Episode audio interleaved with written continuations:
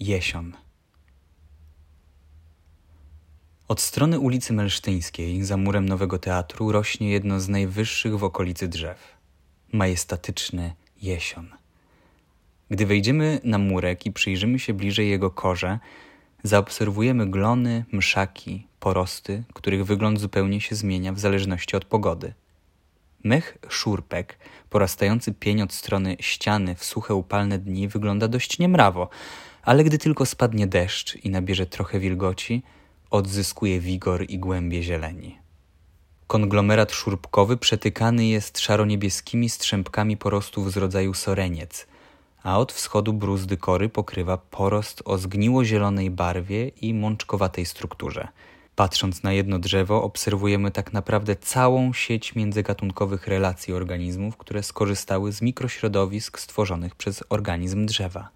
Jest to najprawdopodobniej jesion pensylwański, gatunek obcy dla polskiej flory. Żeby być w stu procentach pewnym, należałoby się wspiąć i sprawdzić jego pąki. Czarne wskazują na rodzimy jesion wyniosły, a brązowe na amerykańskiego pochodzenia jesion pensylwański.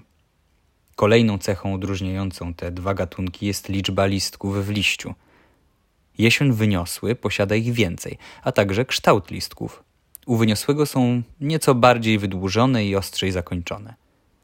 Pensylwański jesion przebarwia się jesienią na żółto, a wyniosły zazwyczaj gubi jeszcze zielone liście.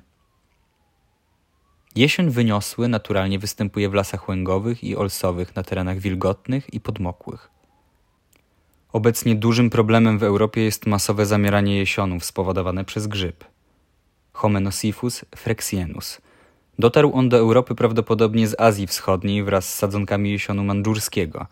W Polsce pierwsze chore drzewa zaobserwowano w latach 90. w XX wieku. Obecnie choroba dotyka jesiony na całym obszarze naturalnego występowania w Europie. W starożytności jesion był drzewem Marsa, boga wojny.